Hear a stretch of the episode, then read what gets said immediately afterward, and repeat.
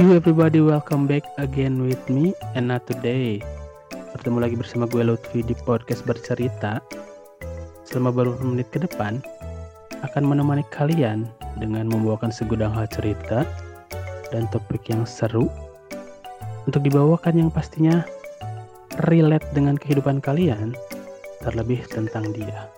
And not today, sesuai dengan judul, gue akan membawakan topik tentang isu merit lebih tepatnya beberapa topik di dalamnya.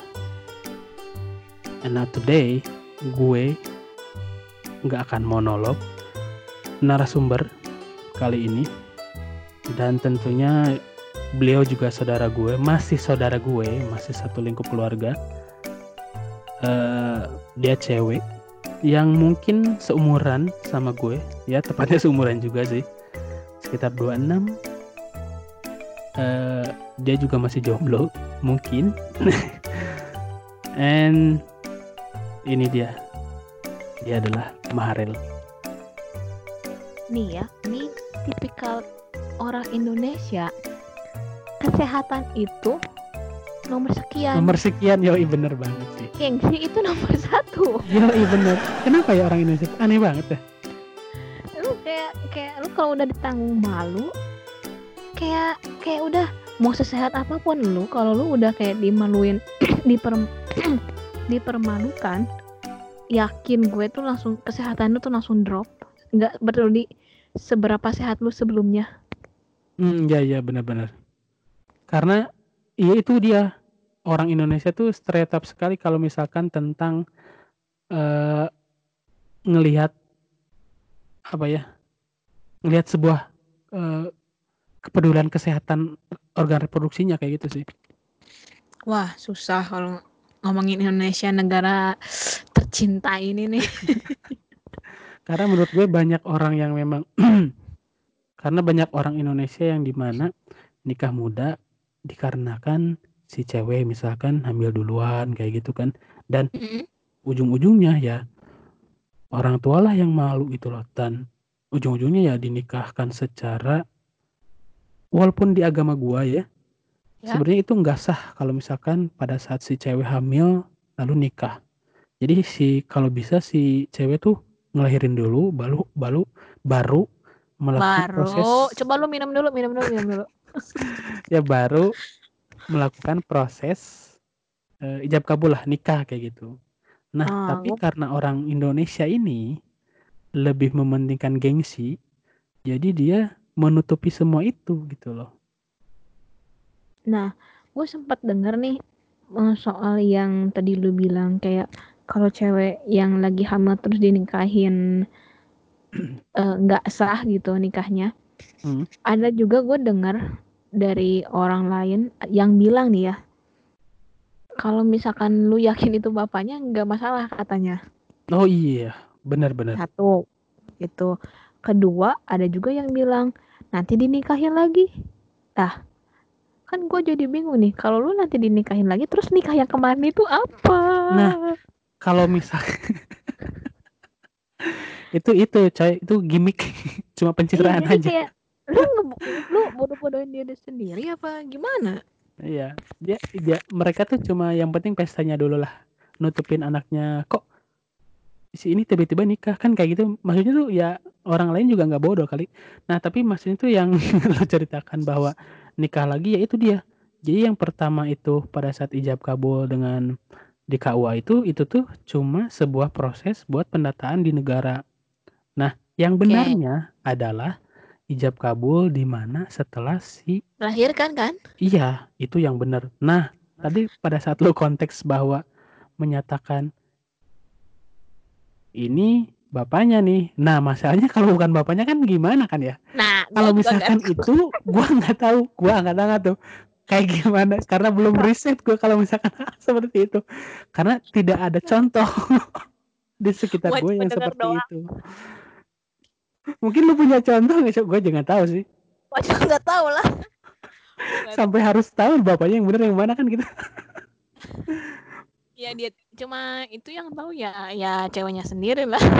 Iya sih. Apa Karena dia memang dia yang tahu. cuman tetap aja sih kalau masalah kayak gitu ya susah iya sih udah udah itu udah masuk ke ranah memang apa ya udah sensitif banget lah lebih dari sensitif kalau menurut gue sih iya memang hmm. nah mungkin ini uh, poin terakhir dari nikah muda ya yaitu komitmen di mana kalau misalkan komitmen seperti yang tadi dari poin-poin sebelumnya bahwa kalau misalkan nikah muda itu bukan berarti tentang uh, apa ya tentang hawa nafsu aja atau misalkan cuma uh, ngejar sesuatu hal sebuah status bahwa nikah muda. Tapi di mana komitmen lu dan pasangan lu akan menerima apa adanya akan menghadapi uh, naik turunnya sebuah pernikahan yang di dalamnya pasti ada ya nggak mungkin datar aja gitu bahagia kayak gitu. Pasti ada ada berantemnya kalau apanya. Dan lu harus bisa lebih apa ya lebih bisa menyelesaikan dengan jika bisa nggak harus dengan orang di luar lo gitu loh maksud gue tuh. Maksudnya orang di luar lo tuh gimana ya? Kayak semacam contohnya kayak curhat semacam, ke orang lain Ya kan biasanya kalau misalkan nikah muda itu kan masih punya apa ya, emosinya tuh naik turun tuh, gede banget iya. gitu. Nah, dialihkannya biasanya, dialihkannya nih kepada orang lain, teman atau juga bisa ke orang tuanya. Yang di mana Oh, harusnya itu bahaya di itu. ya itu dia, harusnya bisa di apa ya, diselesaikan berdua. Dia harus uh, sebenarnya bagus mengambil poin dari orang tua lo, cuma maksudnya kalau misalkan harus di mana, uh, apa ya, mencampurkan dengan orang tua lo itu agak sedikit di mana resiko untuk berpisahnya tinggi karena memang orang tua lo akan membela membela lo gitu loh maksud gue tuh. Iya iya iya, gue gue setuju itu. Jadi jangan jangan sampai orang tua tahu lah kalau kalau bisa gitu. Jangan hmm. maksudnya urusan dapur lu ya cukup lu aja yang tahu gitu. Hmm, benar-benar. Ya maksud gue gitu gitu loh. Karena cuma ya. Ya itu karena memang uh, nikah muda itu terutama yang nikah muda ya takut dihadapkan pada konflik-konflik yang berat gitu loh. Maksud gue tuh kalau misalkan nantinya contohnya ada sesuatu hal yang kayak mertua lu ternyata sangat tidak cocok dengan sifat lo atau misalkan pasangan lo mendadak berubah yang tadi kata lo itu dan kemudian juga membuat memang orang-orang yang menikah ini merasa tidak siap untuk menghadapi konflik-konflik berat kayak gini gitu loh. Cuman itulah kenapa gue selalu berpegang dengan prinsip komunikasi itu dan keterbukaan itu harus dijaga. Hmm kalau lu dari awal dekat komunikasi lu itu jelek, susah ke depannya. Hmm, maksudnya komunikasi jelek tuh kayak gimana tuh? Kayak misalkan ceweknya yang antara ceweknya yang terus-terus nanya e, lagi di mana, ini itu ini itu yang harus selalu dikabarin. Hmm. Terus laki-lakinya uh, yang nggak pernah cerita. Biasanya laki-laki nih ya biasanya itu laki-laki tuh nggak mau kalau lagi pendekatan itu jarang mau cerita soal hidupnya. Biasanya lebih cewek yang lebih, lebih eh, cowok yang uh, ngasih umpan, cewek yang nangkap. Asik, umpan lambung. jadi kayak jadi lebih cewek yang lebih sering nyeritain hidupnya, kayak uh, keluarganya ketimbang laki-laki yang nyeritain uh, keluarga dia. Kayak cerita hal-hal basic lah kayak misalkan uh, tadi lu berantem tadi gue berantem sama kakak gue gara-gara gini. Jarang cowok yang cerita kayak gitu sama ceweknya. Hmm, oh iya. Iya sih benar ngerasa nggak? Bener nggak? Hmm, sih. Karena nah, selama ini gue mungkin kalau misalkan gue pacaran juga jarang banget dibawa ke rumah gitu. Tapi gue harus ke rumah si cewek gue ini gitu loh. Tahu nggak? Ya, tapi ada budaya seperti itu gitu loh Enggak, maksud gue gini, pernah nggak lu cerita kayak misalkan lu sebel nih sama uh, misalkan bapak lu, ibu lu, kakak lu gitu, terus tiba-tiba lu cerita atau misalkan gue sebel nih sama misalkan uh, nyokap gue gara-gara gini, pernah nggak lu ngeluh gitu nyeritain sesuatu yang pribadi lu kayak keluarga ke cewek lu? Kalau kayaknya pernah, cuma maksudnya itu kalau dalam konteks orang tua gue, keluarga gue, enggak sih. Tapi kalau misalkan keluarga gue yang lain ya mungkin ada ya. nah kayak misalkan eh, taruhlah lu sebel nih sama kakak lu lu Hmm. pernah nggak cerita sama cewek lu Kakak gue ya jarang sih. Enggak pernah malah. nggak pernah tapi misalkan lu kesel pernah nggak kesel terus lu tiba-tiba kayak gue ingin nyerita aja gitu Itu lebih ke teman sih. nah itu lebih lebih ke teman kan maksudnya Hmm. jarang sama pasangan lu kan Hmm. nah biasanya eh, kalau cowok yang yang ngeras yang gue bilang komunikasi itu penting tuh kayak misalkan nggak cewek doang nih yang bisa komunikasi segala halnya kayak nyeritain tentang dia lagi sebel atau apa tapi si Hmm. cowok juga si cowok tuh harus harus open juga gitu sama-sama mau nyeritain misalkan dia hari ini di kerjaannya gimana atau misalkan dia tadi lagi ketimpa hal sial atau misalkan dia lagi kesel tuh kayak menurut gue itu penting gitu. Nggak cuma cewek doang yang harus nyerita ke cowok. Oh, jadi kalau misalkan dari sisi lo, si cowok juga harus bisa terbuka gitu ya? open iya iya. Hmm, karena oke. eh ka- kadang gue tuh heran sama cowok.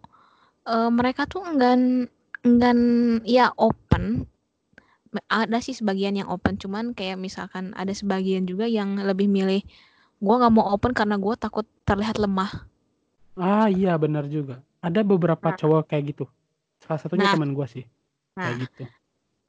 padahal yang gue rasain nih ya kalau lu mau cerita hal hal sharing lah sama pasangan lu sama cewek lu itu kayak kayak cewek tuh ngerasa dihargain gitu oh lu lu percaya Hmm. gitu sama gue Hmm. lu tempat tempat nyaman lu tuh di gue gitu kayak lebih Hmm. bikin chemistry lu lebih lebih kuat Hmm. Ya sih bener. Cuma jadi Nah, kayak semacam ngebangun apa ya? eh, sebuah sebuah kepercayaan di antara mereka gitu kan ya. iya jadi kalau udah open tuh kayak misalkan chemistry udah ini kalau komunika komunikasi udah lancar udah open tuh biasanya ada hal-hal yang misalkan gak disuka atau apa pun biasanya lebih gampang diomongin Tapi lu ngerasa gak sih kalau misalkan cewek itu emang sebenarnya tuh baper banget gitu loh. Semuanya tuh ya Ini memang kasusnya ngerasa gak sih? kayak kalau lu lu nya udah udah ini ya udah apa udah yakin misalkan mau tahap serius gitu Hmm, hmm. kalau pasangan lu gitu.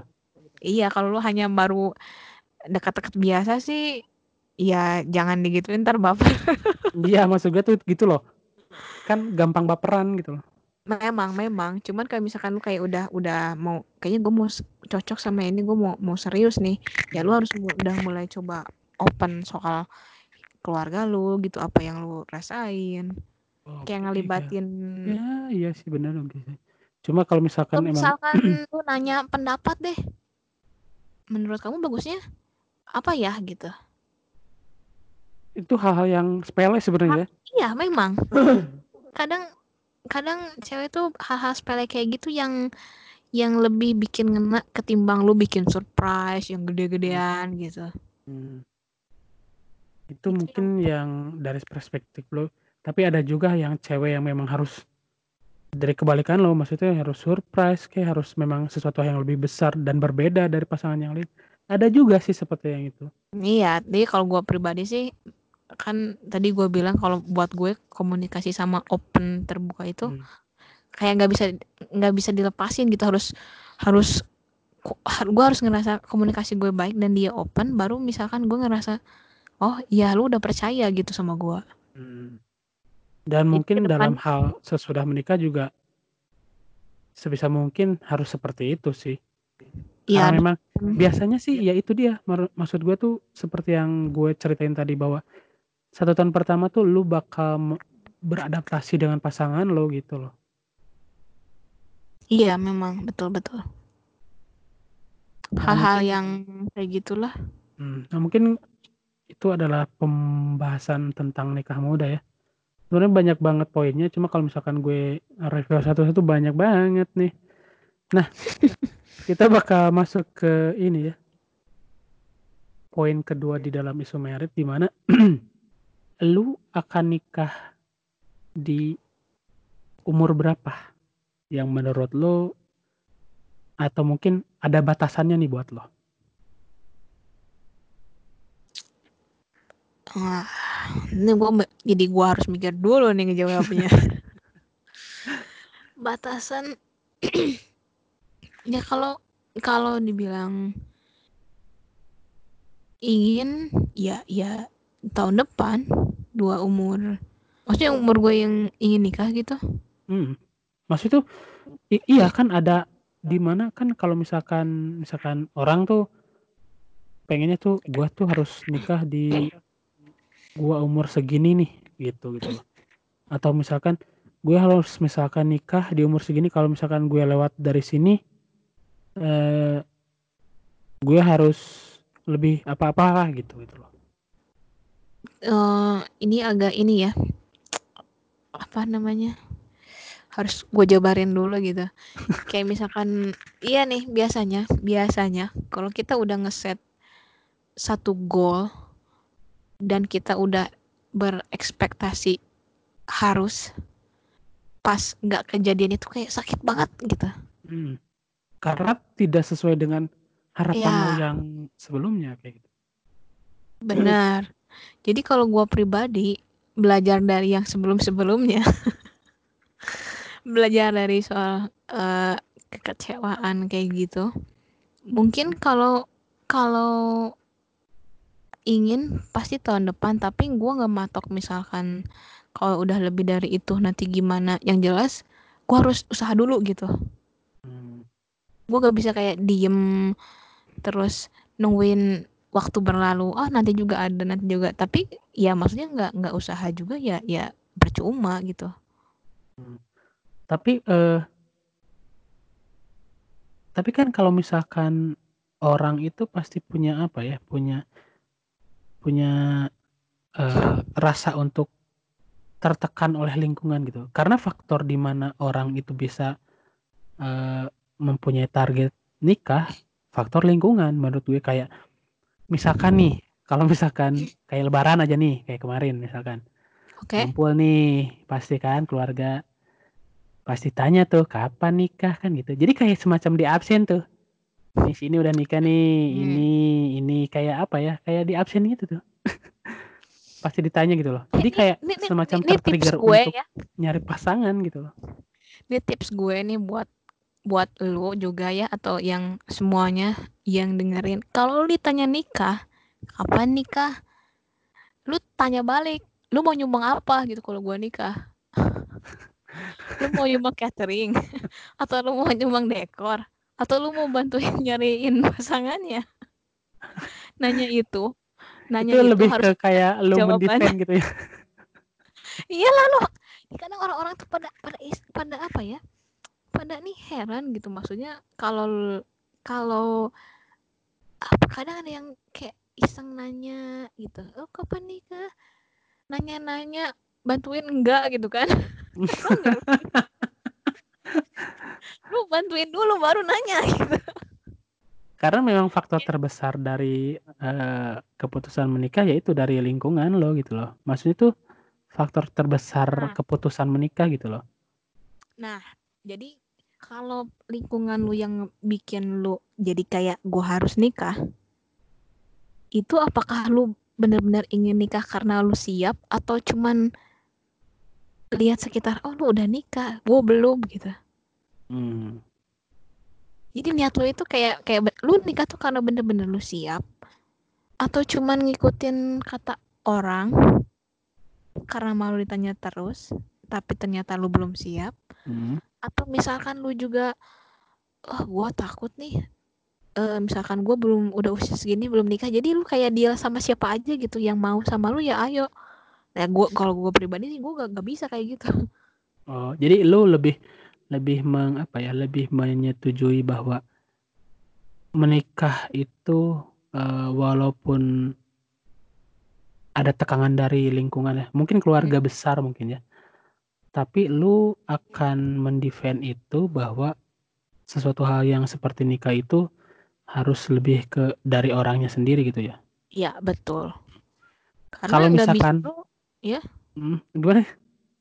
ya menurut gue lu apakah lu akan gara-gara ditanya orang kapan nikah, lu ngorbanin misalkan eh, sesuatu kar ya taruhlah lu bakal ngorbanin kayak pernikahan dengan misalkan seseorang yang lu nggak nggak nggak happy sama nggak apa ya kayak lu kayak tes tes ngetes testimoni bukan ngetestimoni nge-trial orang ya udah kita nikah gitu Iya, iya kita nikah Kalau misalkan itu gila gue lu setuju. ngorbanin pernikahan demi kayak begituan gila Iya. aja lu Iya sih. pikir nikah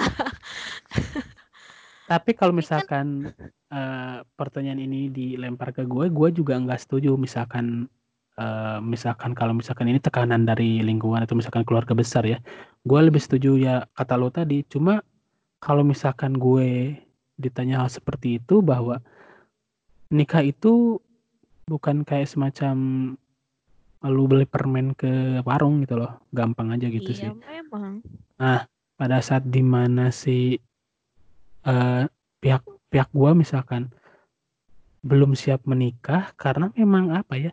Karena mungkin guanya yang belum siap dan mental gue belum siap karena di mana atau lo atau lo belum yakin sama orang yang lo tuju nah itu dia gua tuh selalu mempunyai sebuah apa ya? Sebuah tembok yang besar yang tidak bisa gue terobos. Contohnya adalah agama. Gua selalu berbeda agama dengan pasangan gua. Nah itu kenapa lu nyarinya yang beda agama mulu Iya kan kan kan hati atau misalkan waktu jatuh Ya, cinta juga memang. nggak mungkin gila dibelokin aja nih kan Be- susah banget gitu emang loh. emang ya kan itu kan secara alamiah tapi kalau Iya. misalkan ditanya bahwa faktor lingkungan biasanya kan kalau misalkan eh kalau misalkan dari faktor lingkungan tadi yang gue bahas bahwa karena si ini udah nikah lu juga harus udah punya nikah. Itu sih enggak banget sih kalau menurut itu bodoh banget kalau misalkan lu mem- apa, memikirkan hal seperti itu. Karena memang lu lu tuh kayak apa ya kayak ke bawah arus aja gitu loh. Karena dia udah nikah sementara gue belum. Nah itu jangan sampai seperti itu. Karena itu dalam sebuah pernikahan lu akan bertanggung jawab sama Tuhan lo jadi kayak hablum minana bukan hablum minanas tapi hablum minallah gitu loh. Sementara jika memang lu memutuskan seperti itu berarti keputusan lu dipengaruhi oleh orang lain gitu loh. Kan aneh gitu loh maksud gue tuh. iya makanya lu harus kayak nanya ke diri lu lagi nanya ke diri sendiri kayak lu nikah memang kemauan lu atau lu nikah gara-gara kejar setoran Iya ibaratnya? bener. Iya ya atau karena memang ya itu. atau apa? Eh, apa ya kayak semacam di apa ya di di apa ya dikejar-kejar gitu loh. Iya kan lu gila aja lu ngorbanin pernikahan kayak gitu kan aduh gila kalau Hmm. kata gua. Dan setiap orang juga pasti punya sebuah apa ya kayak semacam checklistnya gitu loh.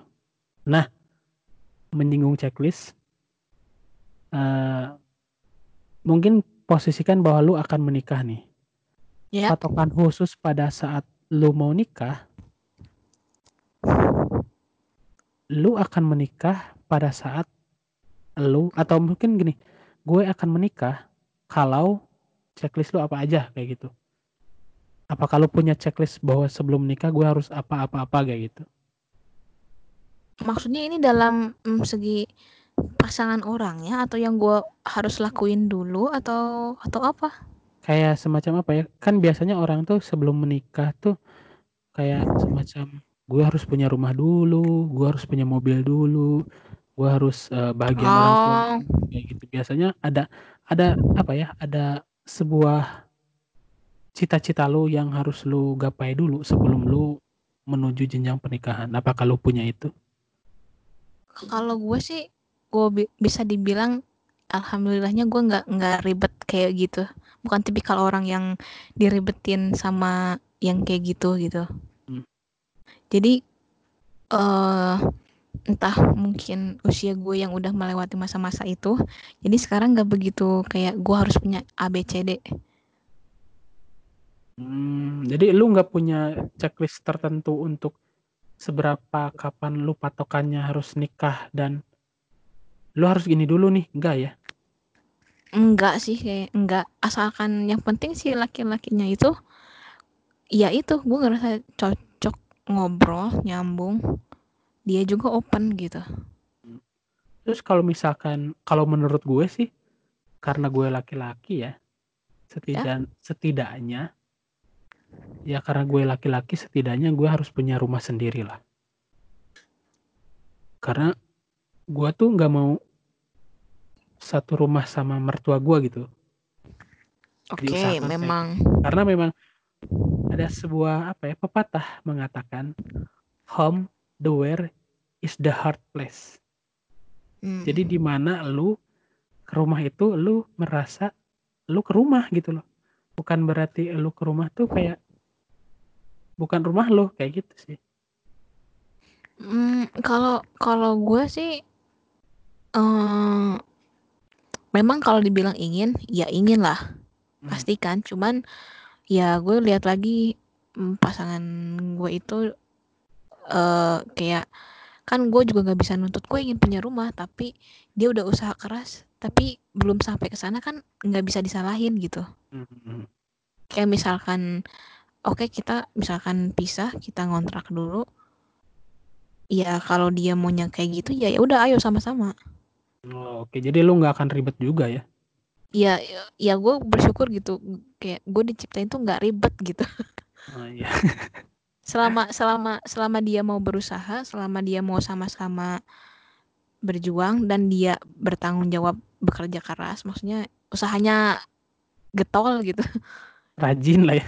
ya ya ya udah gitu Oh, Oke. karena gue yakin kalau orang itu bertanggung jawab nggak harus suruh-suruh tuh dia udah kerjain sendiri gitu Hmm. Oke, oke, oke. Nah, menurut lo nikah muda eh nikah itu nikah itu indikator untuk kata matang nikah itu di umur berapa sih kayak gitu menurut lo? Hmm, sebetulnya sih matang itu bisa dibilang kalau dari Katakanlah Iya. lu nikah nih pada saat umur di mana lu matang nih. menurut gua sih 25 25 di lu yang posisinya cewek ya. iya Oke.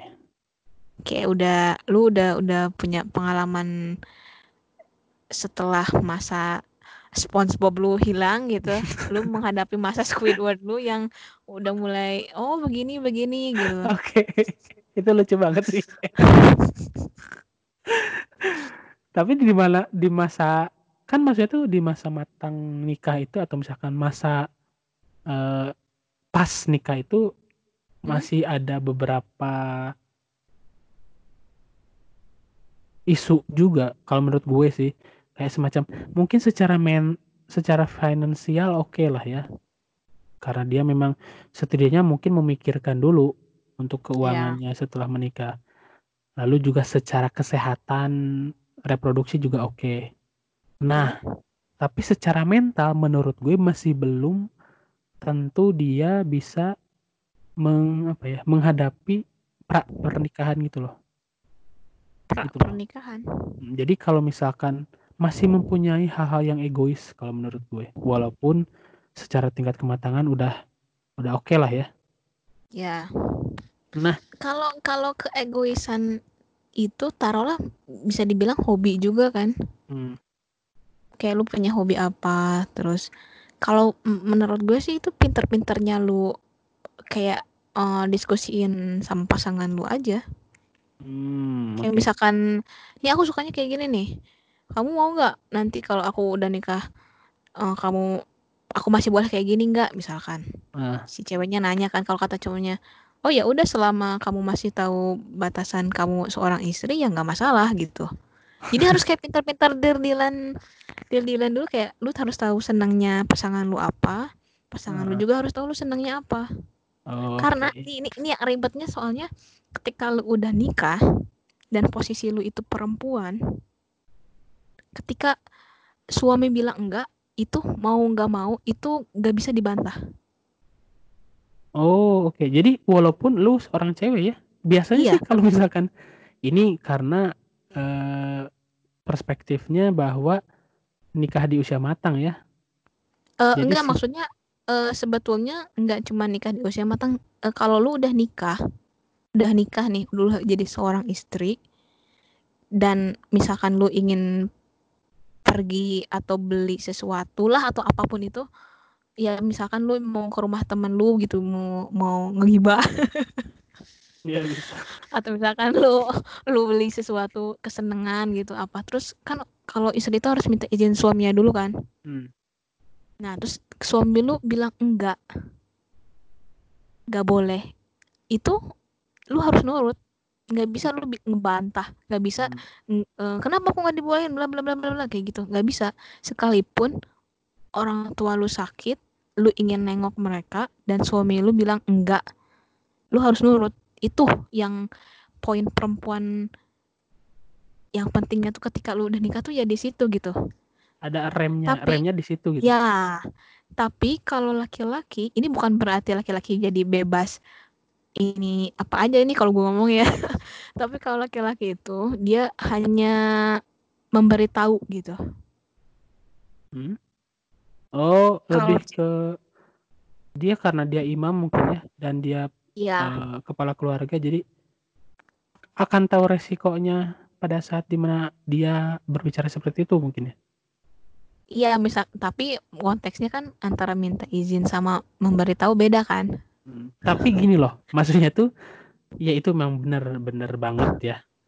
Cuma untuk anak-anak maksud bukannya untuk pernikahan zaman sekarang walaupun sudah menikah sesuai dengan eh, umur yang matang, tapi Mm-mm. ada saja cewek atau pasangan si istri ini Mm-mm. lebih lebih superior nih dibanding si suaminya. Nah, itu jangan sampai Iya itu jangan gitu. ya. ya iya itu jangan sampai cuma ada aja gitu loh maksud gue. Karena dia tuh secara mental belum siap menurut gue gitu sih. Siapa ya? Eh, si cowoknya belum siap. iya si cowok si cowok sama si ceweknya sih. Kalau misalkan si cewek tahu bahwa eh, itu nggak boleh ya dia juga akan nggak akan ngelawan kan? Gitu maksud gue. Iya, tapi makanya kalau itu misalkan harus si harus cowoknya tahu dia bakal apa ya nasehatin lah nyarekan lah gitu ya. Iya, iya. sama si istrinya gitu loh Iya, tapi karena makanya dia tuh nggak kayak tahu heeh. dia nurut aja gitu loh ke istrinya Iya, itulah makanya ada yang bilang eh kenapa diibaratin laki-laki itu diibaratin kayak matahari gitu. Hmm. Sedangkan perempuan itu diibaratin kayak eh, bulan.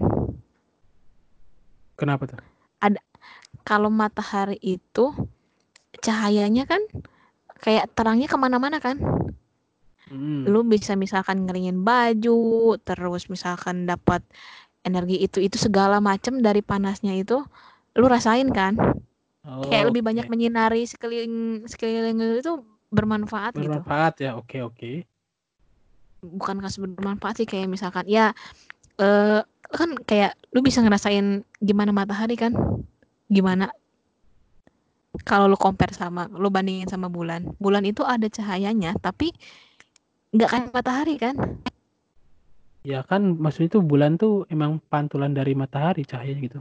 Nah ya itu jangan sampai kebalik gitu. Perempuan jadi matahari laki-laki jadi bulan. Oh maksudnya gitu oke. Nah, gitu. Jadi sebelum nikah itu baiknya memang harus tahu dulu kayak peran masing-masing gitu. oke oke. Jadi Karena lu karena punya memang bukan main bukan cuman masalah kalau menurut gue sih bukan masalah eh, duniawi doang nih ya kayak Hmm. suami istri tapi punya tanggung jawab ke depannya juga lebih lebih harus tahu gitu mana perannya seperti apa. Hmm. jadi lu punya teologi bahwa si cowok itu si suami itu harus kayak matahari dan si istri kayak bulan bahwa si si suami harus lebih superior kan maksudnya itu bukan superior sih Kayak superior sih kayak eh, ya dia yang mimpin lah. yang memimpin ya ya gitu memimpin lah ya supaya menjadi Iya. lebih baik gitu kan Iya. oke oke kalau misalkan istrinya eh i- istrinya ya gue dengar nih ya dari temen gue katanya cowok itu suami itu nggak suka kalau dipimpin sama istri. Ini kalau dia dipimpin istri dia pasti balik marah dan nggak akan ngelakuin apa yang istrinya suruh. Oh gitu ya. Heeh. Jadi kalau mau uh, kasih saran, tapi jangan nyuruh. Oh. Bingung nggak lo? Iyalah. Sa- ya saran juga sebenarnya nyuruh gitu loh maksudnya itu. Tapi kan beda kan kayak misalkan uh, bisa misalkan nih istri bilang gini, "Eh, papa papa bisa nggak uh, betulin genteng bocor? Nanti kalau hujan kan airnya nggak ini nggak masuk ke rumah. Ini kalau kalau ngasih saran ya, Itu kalau gue jadi suaminya itu anjing lu tuh nyuruh goblok.